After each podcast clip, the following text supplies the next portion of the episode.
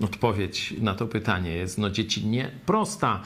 To zawsze w naszej kulturze było powtarzane: bój się Boga, a nie ludzi, których y, przecież władza jest y, no, jakimś reprezentantem.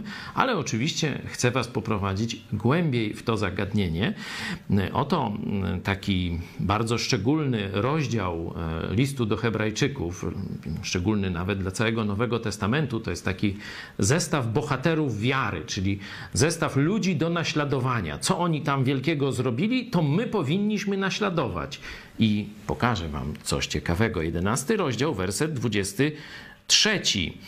Przez wiarę był Mojżesz po narodzeniu ukrywany przez rodziców swoich w ciągu trzech miesięcy.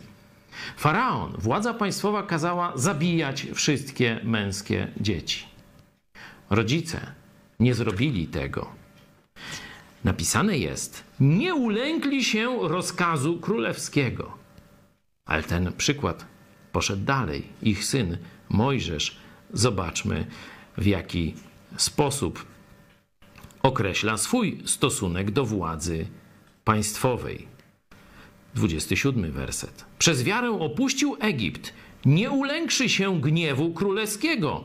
Trzymał się bowiem tego, który jest niewidzialny, jak gdyby go widział. Kiedy władza państwowa daje złe, bezbożne nakazy, nie wolno ci się jej bać. To jest grzech, to jest brak wiary. Warto o tym pamiętać, szczególnie w naszych czasach, kiedy żyjemy w różnych formach socjalizmu i komunizmu.